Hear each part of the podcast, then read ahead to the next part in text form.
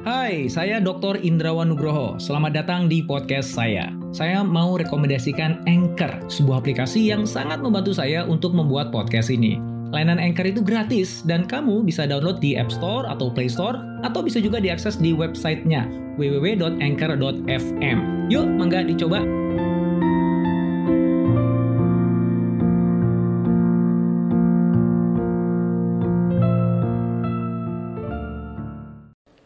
Mungkin ada di antara Anda yang bertanya-tanya ya, kenapa sih kok produk saya, layanan yang saya tawarkan, kok nggak laku-laku gitu.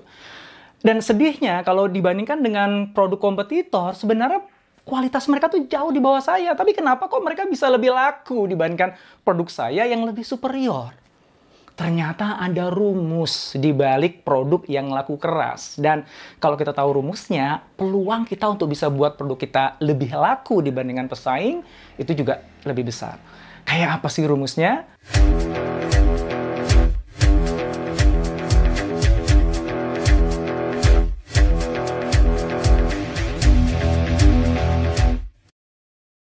Ini adalah rumus penjualan. S sama dengan V lebih besar dibandingkan P dalam kurung C. S itu adalah nilai sales yang Anda dapatkan. Dan itu bergantung dari V, yaitu value, nilai yang dirasakan, didapat oleh pelanggan ketika mereka membeli produk Anda atau menggunakan layanan Anda. Sementara P adalah price, yaitu harga yang harus mereka bayarkan untuk dapatkan value tadi. C adalah communication, bagaimana Anda mengkomunikasikan value itu ke pelanggan Anda. Nah, gimana kita pakai rumus ini? Ini makanya gimana sih? Intinya adalah gini, Anda harus pastikan bahwa nilai total S-nya itu lebih tinggi dibandingkan pesaing supaya akhirnya pelanggan lebih memilih produk atau layanan Anda dibandingkan produknya pesaing, ya. Kita langsung bahas deh ya, kita silakan dilihat di layar ini. Ini ada rumusnya, saya taruh ada satu di kanan, satu di kiri. Yang kiri itu mewakili Anda, yang di kanan itu mewakili pesaing. Dan kalau Anda ingin memastikan bahwa akhirnya pelanggan memilih Anda, produk Anda, layanan Anda, bukan punyanya pesaing, berarti skor yang harus Anda miliki di rumus ini lebih tinggi dibandingkan skornya pesaing. Nah sekarang yuk kita lihat. Seandainya Anda punya produk atau layanan yang itu keren banget gitu, dan value yang akan didapat oleh si pelanggan itu katakanlah nilainya 200 dan Anda putuskan untuk menjual itu dengan nilai 150. Artinya antara yang harus dikorbankan oleh si customer 150 itu dibandingkan apa yang akan didapat oleh si customer 200 itu kan lebih banyak yang didapat kan? Berarti kan bagus.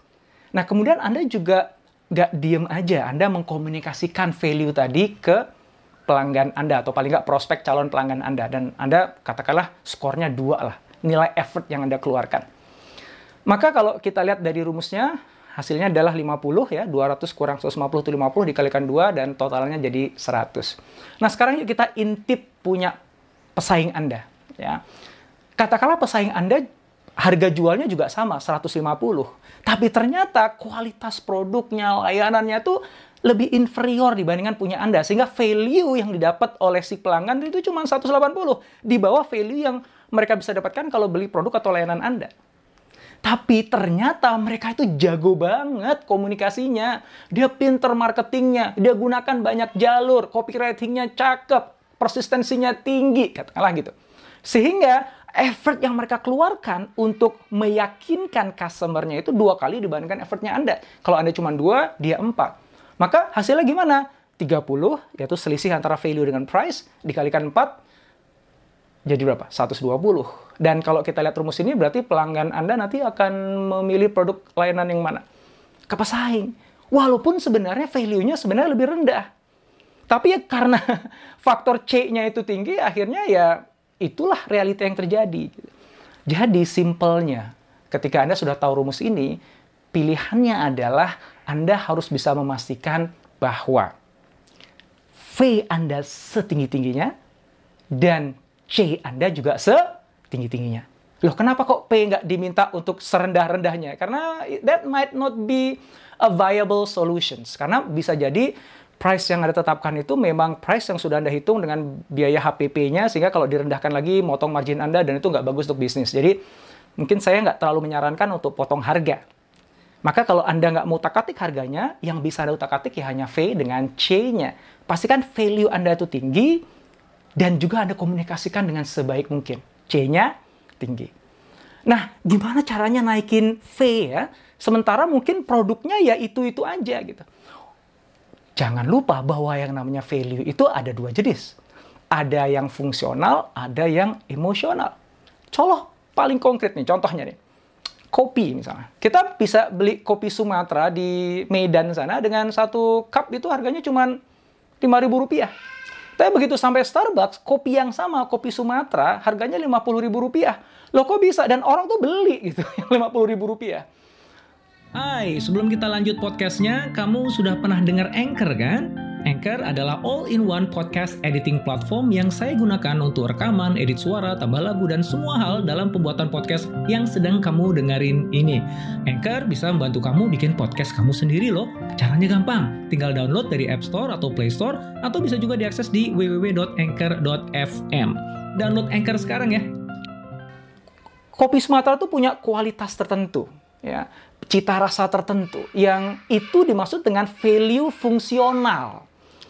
Nah, Starbucks pinter, dia nggak hanya mainkan value fungsionalnya saja, tapi dia mainkan value emosionalnya. Dari kemasannya dia, dari bagaimana dia kemudian positioningkan uh, kopi itu, ada story di baliknya, itu menciptakan efek emosional tertentu. Sehingga ketika orang minum kopi Sumatera bermerek Starbucks itu rasanya lain dibandingkan saya nongkrong di kedai di pinggir jalan Medan sana, nyeruput kopi Sumatera yang sama sebenarnya biji kopinya.